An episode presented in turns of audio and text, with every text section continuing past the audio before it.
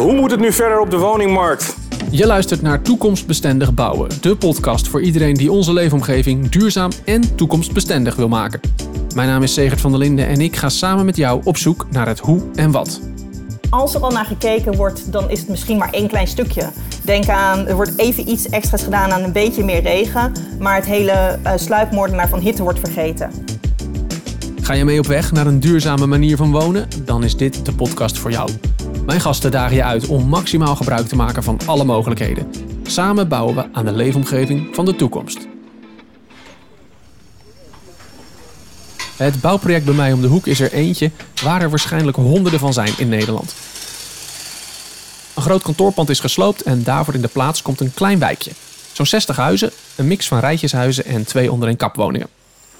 Anno 2022 hoop je natuurlijk dat deze woningen toekomstbestendig gebouwd worden. Maar in hoeverre gebeurt dat al bij dit soort veel voorkomende bouwprojecten? Kan ik ervan uitgaan dat er bij deze 60 woningen rekening gehouden wordt met een veranderend klimaat? Die vraag stel ik aan Lot Logger, Director Climate bij One Architecture. Voor haar werk zit ze tijdelijk in New York, dus ik spreek haar via een videoverbinding. Lot Logger, welkom in de podcast. Dank je. Um, jij bent Director Climate bij One Architecture. Um, laten we maar eens even beginnen bij, bij het bedrijf. Wat doet One Architecture? Nou, One Architecture is een internationaal gerenommeerd architecten, stedenbouwkundige en planologiebureau. En we hebben kantoren in Amsterdam, New York, Houston en Shenzhen. En we werken voornamelijk aan resilience projecten. Projecten die veerkracht terugbrengen in complexe stedelijke weefsels, gebieden met veel stakeholders en belangen. Dan moet je denken aan kustbeschermingsprojecten van Manhattan, Boston, maar ook in Zuidoost-Azië. Maar we werken ook in projecten in Nederland voor verstedelijke nieuwing, vernieuwingsopgaven, in, in, in gewoon uh, herstructurering van, van Gouda. Um, en waar we altijd naar kijken is hoe we deze gebieden veerkrachtiger kunnen maken naar de impact van klimaatverandering, maar ook wel naar andere risico's. We gebruiken daarvoor ontwerp om, als middel eigenlijk om een opgave in beeld te brengen, oplossingen, maar vooral als middel om mensen met elkaar te betrekken bij die opgaven en die oplossingen en om financieringstromen te betrekken. Het zijn dus altijd projecten waarbij jullie heel duidelijk rekening houden met die klimaatadaptatie dus. Met de aanpassingen aan klimaatverandering. En, uh, maar ook aan andere risico's. We, ja. uh, het is niet alleen klimaat. We kijken ook naar energie, we kijken ook naar andere kant. En we hebben ook gewoon, we doen, okay. hebben ook gewoon normale, um, nou ja, normale um, vernieuwingsprojecten gaan, stedelijke vernieuwingsprojecten aan andere kanten. Nou ben jij director climate. Wat houdt dat in? Nou, ik ben uh, sinds dit jaar directeur klimaat en kijk met name dus naar die aanpassingen in Nederland en internationaal die nodig zijn in het um, stedelijk gebied. Minder dus naar de kustbescherming, maar meer naar hoe je omgaat met extreme regen, met droogte, met hitte en hoe je daarvoor, um, wie je daarvoor moet betrekken. En dan niet alleen voor nu, hoe je dat nu moet doen, maar ook wat nodig is daarvoor in de toekomst. En daarmee bouw ik eigenlijk voort op mijn werk wat ik gedaan heb voor Waternet en de metropoolregio Amsterdam, Amsterdam Reenproef en Samen Klimaatbestendig. En wat ik dus eerder in Nederland deed. En ik verbind daarmee dus die lessen uit Nederland met internationale projecten, maar haal ook internationale lessen nu op naar Nederland. Um, en dat vind ik echt super, super leuk en ook heel relevant om juist die, die wisselwerking tussen internationaal en Nederland te hebben. Ja, nou ja, de, die lessen, daar wil ik het onder andere over hebben. En ik denk dat het dan goed is om, uh, dat probeer ik in elke aflevering even te doen, even een soort van situatieschets te geven. Hoe staan we er nou voor als het gaat om, nou in dit geval klimaatadaptatie? Ik, net in de introductie vertelde ik over dat, uh, dat bouwproject bij mij om de hoek. Uh, wordt er in zo'n soort bouwproject al echt rekening gehouden met die klimaatadaptatie? Nou, in ieder geval veel vaker dan tien jaar geleden. Je ziet echt dat er ontzettende bewustwording gekomen is door het extreme wordende weer. Natuurlijk vorig jaar de buien, de, vaak de droogte van dit jaar, de hitte. Dus je ziet dat, um, ja, dat, dat men die, die uh, eigenlijk daar naar aan het kijken is. Ook de lange termijn effecten van die versnelde zeespiegelstijging komt meer in het bewustzijn. Alhoewel dat laatste nog niet vaak in bouwprojecten meegenomen wordt. Dus een percentage durf ik ook eigenlijk niet echt te zeggen van hoe vaak een gebouw of een project en zeker um, klimaatbestendig wordt opgevoerd. Ik vermoed dat het um, zeker minder dan de helft is en vaak in kleinere gedeelten nog veel minder. En als er al naar gekeken wordt, dan is het misschien maar één klein stukje. Denk aan, er wordt even iets extra's gedaan aan een beetje meer regen, maar het hele uh, sluipmoordenaar van hitte wordt vergeten het hangt ook heel erg vanaf van waar het project staat. En dat eerlijk gezegd weet ik niet waar je woont. Dus ik weet niet of het misschien staat in een regio die al een tijdje samenwerkingen zoeken met um, tussen publieke en private partijen om intentieovereenkomsten te maken van wat, hoe ze klimaatbestendig bouwen. Denk aan Zuid-Holland, maar natuurlijk zeker ook Utrecht en de metropoolregio. En daar zie je dus dat ook gemeentes het vaker in hun beleid opnemen, in de uitvraag doen. En dat voorlopende ontwikkelaars het ook al beginnen mee te nemen. Maar eerlijk gezegd, vermoed ik dat een project in jouw buurt met zo'n klein project zeker minder dan 50% kans is dat ze het al meenemen. Nou ja, je noemt het al. Hè, eh, als je geluk hebt, dan heb je een gemeente of een projectontwikkelaar te pakken die, uh, die, die er echt rekening mee houdt. Die met verschillende facetten rekening houdt. Met warmte, met water. Um, maar vaak nog niet. Kun je mij eens een beeld schetsen? Wat gebeurt er nou als wij verder bouwen op deze voet? Ja, klimaatadaptatie is natuurlijk een lastig woord. Hè? Dus we moeten eerst even natuurlijk zeggen wat we daarmee bedoelen. Want het gaat er dus over hoe je de omgeving aanpast aan het door klimaatverandering extremer wordende weer. Dus over het aanpassen aan de toenemende droogte, de hittegolven, de extreme buien, maar ook de toenemende overstromingsrisico. En voor veel mensen voelt dit nog als een heel ver van je bed, ver weg in de toekomst wordt. Alleen weten we dat natuurlijk die extremen nu al voorkomen en alleen nog maar sneller extremer worden. Weten we ook dat wat we nu neerzetten in woningen of in infrastructuur of bedrijven, tijdens hun levensduur van, van deze assets een heel ander werkelijke klimaat gaan treffen. En dat we als we nu niet investeren in klimaatbestendig bouwen of ruimte laten in je plan voor aanpassingen later, uh, dan betekent dat dat er grote kans op schade door extreem weer um, komt met immense gevolgen. En die immense gevolgen, er is zelfs uitgerekend dat een stad failliet kan gaan als er een overstroming um, uh, plaatsvindt. Dus het is niet een kwestie, en daar, daar kom ik, wil ik later ook wel op terugkomen over dat we spreken over een onrendabele top. Want daar wordt het nu op gedaan. Hè? We zeggen van je kan niet klimaatbestendig bouwen, want het is onrendabel. Want dit is eigenlijk een verzekering voor de toekomst. We hebben um, zelf uitgerekend in Resilience by Design, een project voor de metropoolregio Amsterdam, dat als je tien jaar wacht met investeren van um, een, een kijken naar klimaatadaptatie met een verkeerde horizon, dat je dan bijna op een 1 miljard extra herinvesteringskosten kan komen die vooral publiek gaan vallen.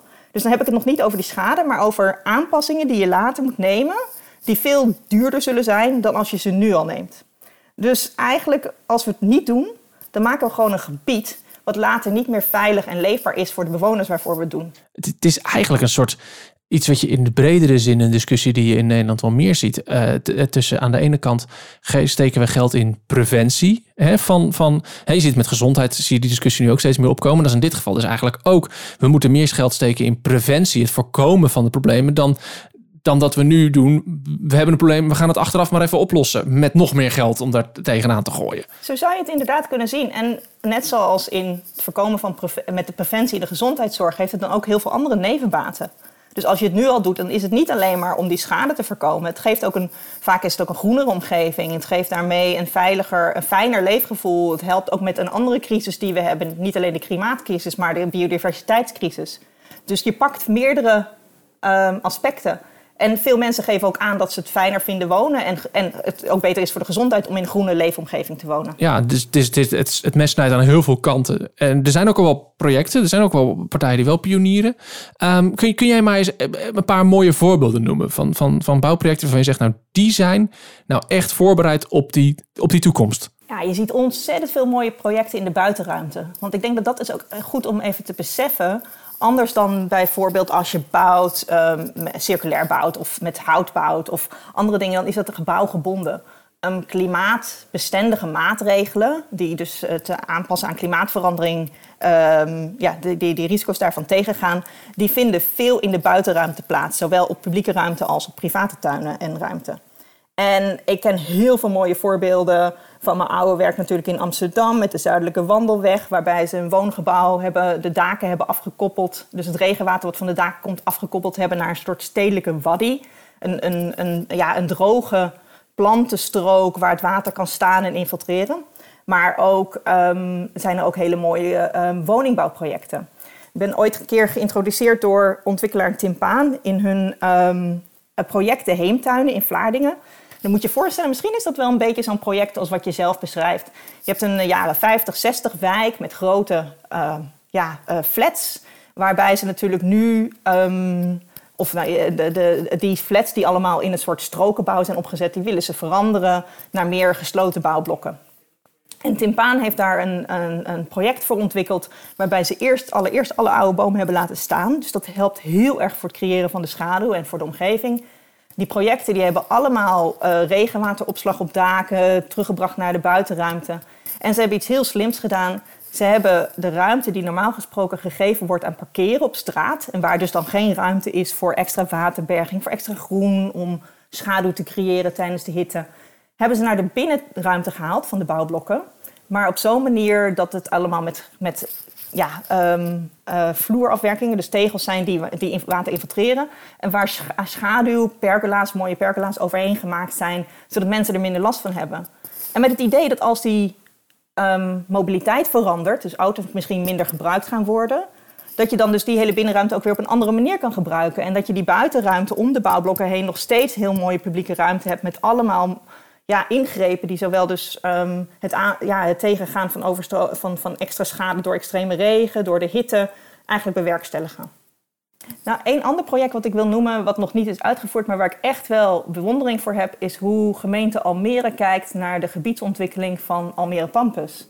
Dat is een, uh, daar is nog geen masterplan. Het is een nieuwbouwwijk die daar eh, gebouwd gaat worden. Tot 2050 uh, zullen de laatste huizen opgeleverd worden.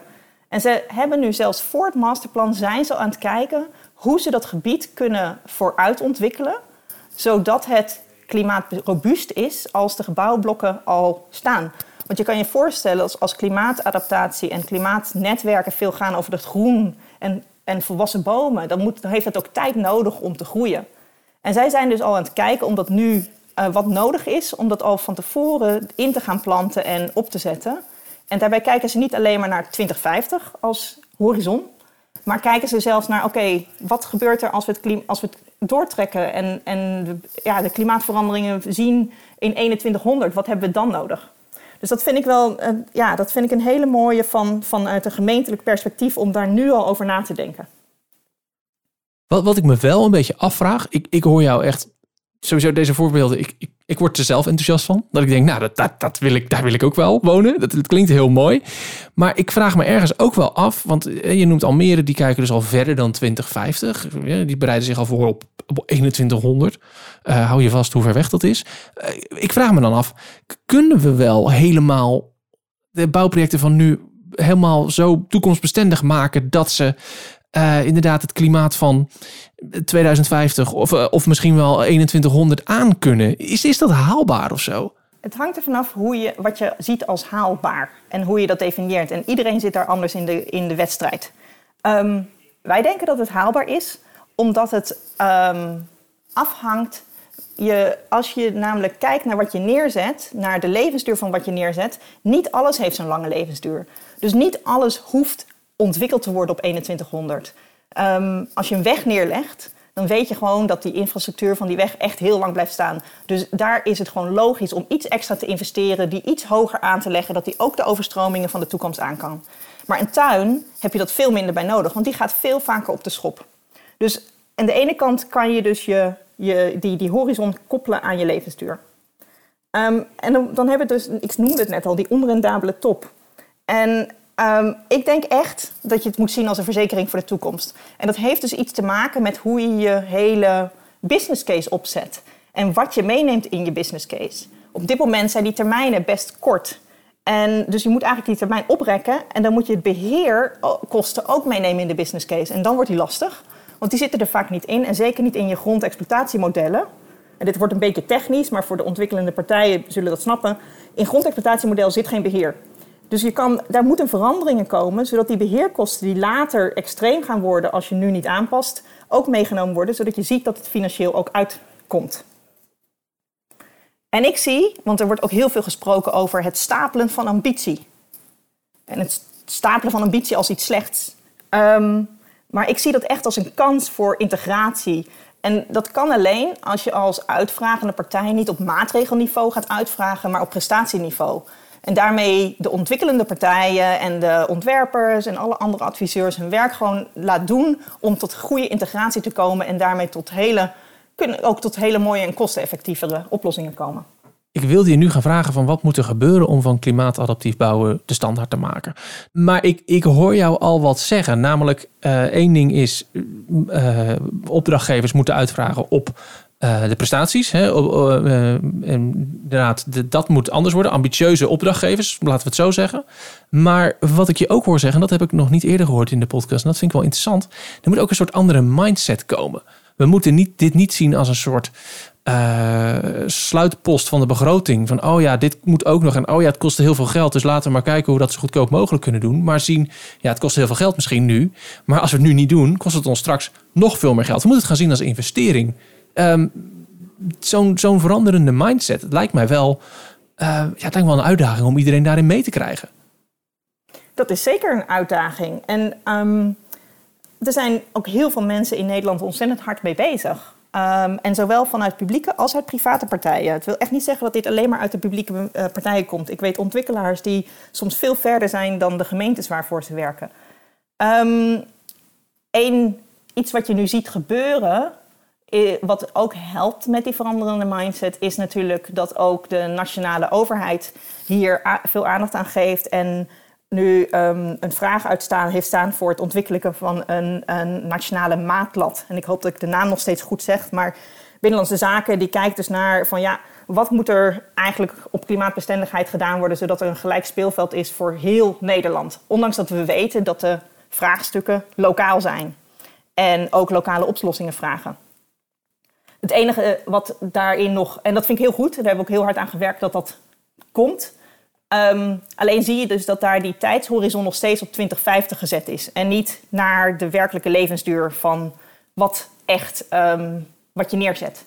Maar wat het mooie daaraan is, is dat het wel voor een gelijk speelveld uh, zorgt. Ja. Ja, dat gelijke speelveld, dat, dat hoor ik ook vaker terug. Wat, wat, wat zijn, er, zijn er nog meer dingen die zouden moeten veranderen of die nodig zijn om van inderdaad uh, klimaatbestendig bouwen de standaard te maken in de toekomst? Een ander ding wat heel belangrijk is, dat je veel sneller gaat samenwerken met elkaar. En elkaar niet als vijand ziet. Um, en dus ook de, uh, want we zien dat het heel vaak valt op beheerders. Uh, op het beheeraspect. en daarmee worden dus de beheerders, en ik zei het net zelf ook, ik versprak me net ook zelf, dus wordt het gezien van, oh, de beheerders is degene die, die het tegenhoudt. Nee, de beheerders hebben hun eigen um, um, vraagstukken hierbij. En die zouden veel eerder erbij betrokken moeten worden om meegenomen te worden in, in wat wel kan en wat niet kan. Zodat het niet alleen maar gaat over een investeringsvraagstuk, maar ook over die beheervraagstuk. En dat de beheeraspecten die er meekomen en de verandering van de, beheer, van de beheeraspecten meegenomen worden. En dat daar ook dan trajecten voor opgezet worden om, als dat iets vraagt van een ander soort beheer, denk aan groen beheer ver, en hoe je met natuur bouwt, wat ook een ander beheervraagstuk is. Um, dan normaal met de, de, de, het beton en de stenen en de tegels en de bakstenen. Um, dat je dat dan meeneemt. Ja, heel goed. Dat zijn een paar algemene handvatten ook gelijk voor klimaatbestendig of klimaatadaptief bouwen. Um, zijn er nog wat meer van, die, van dit soort vaste regels bij tussen aanhalingstekens waar je rekening mee kunt houden? Er zijn natuurlijk heel veel, maar ik zou eigenlijk, ik wil er wel drie noemen. Sommige heb ik al een beetje genoemd. Verkies altijd groen over grijs. Dus wat ik bedoel, eh, leg die groene netwerken aan in plaats van die harde buizen. En maak die stad als een spons. Um, want dat is niet alleen goed voor het klimaat, maar ook voor heel veel andere opgaven in de stad. Dus groen over grijs. Het tweede handvat, die ik dus ook al hier noemde, maar die ik echt nog een keer wil noemen, omdat hij het makkelijker maakt om die complexiteit en die, die verre toekomst naar hier te halen, is let heel goed op die verschillende levensduren van wat je neerzet. Dus koppel de assets via zijn levensduur aan de juiste klimaatrisikomodellen. Um, waardoor je niet voor alles op 2100 moet zitten en met de onzekerheden van dat. Maar dus ook kan zeggen van nou, dit, dit gaat eigenlijk over een tijdje alweer op de schop. Dus kunnen we ook kijken naar 2050 of 2030 zelfs. Um, en het derde wat ik zou zeggen is, help met elk nieuwbouwproject de bestaande wijken eromheen. Want het is zoveel makkelijker om in een nieuwbouwproject al veel ruimte um, vernuftig te integreren met, um, met andere functies die kunnen bijdragen aan het tegengaan van hitte, het uh, de, water op kunnen slaan, voor, voor dus tegengaan van, van schade voor, door overstromingen of uh, in tijden van droogte. Maar in bestaande wijken is dat gigantisch lastig. En het is echt niet een rocket science. Hè. Het is niet moeilijk. Het gaat echt niet over hele vernuftige dingen zoals wat je ziet met, met andere trajecten die, die, die toekomstbestendig zijn. Dit gaat gewoon over het net iets anders aanleggen van een maaiveld, een net een andere um, wat meer ruimte geven waar het water kan zitten en infiltreren. Iets meer bomen, iets meer schaduw. Dus het is allemaal, iedereen weet hoe, hoe je dat zou kunnen doen. En we hebben ontzettend veel voorbeelden, procestools, maatregelenbibliotheken, kosteninzichten en zelfs regelgevingsvoorschriften die je allemaal kan vinden online. Dus het is, er is zoveel, je hoeft het wiel niet opnieuw uit te vinden. En er zijn heel veel partijen die daarbij kunnen helpen. Tijd om ermee aan de slag te gaan. Lot Logger, dankjewel voor je tijd. Dit was aflevering 6 van Toekomstbestendig Bouwen, de podcast van toekomstbestendigbouwen.nl.